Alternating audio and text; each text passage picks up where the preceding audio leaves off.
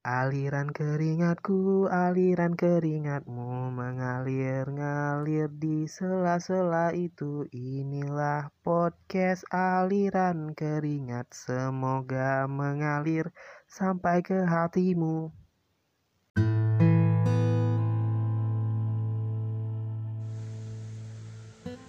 Terberai bubuk susu itu, terairkan kembali remah-remah roti tentang kisah air payau di lumbuk gelap tempat bebek nenek moyang mati tersiram es kelapa Bang Yoga. Adakah besok, lusa, atau tiga hari dari sekarang? Kambing guling itu membayar hutang-hutang sepupu teman adik iparnya yang terberai dan tertumpuk rapi di meja-meja itu. Hingga kisah air payau ini ku akhiri. Remah-remah roti itu masih terairkan.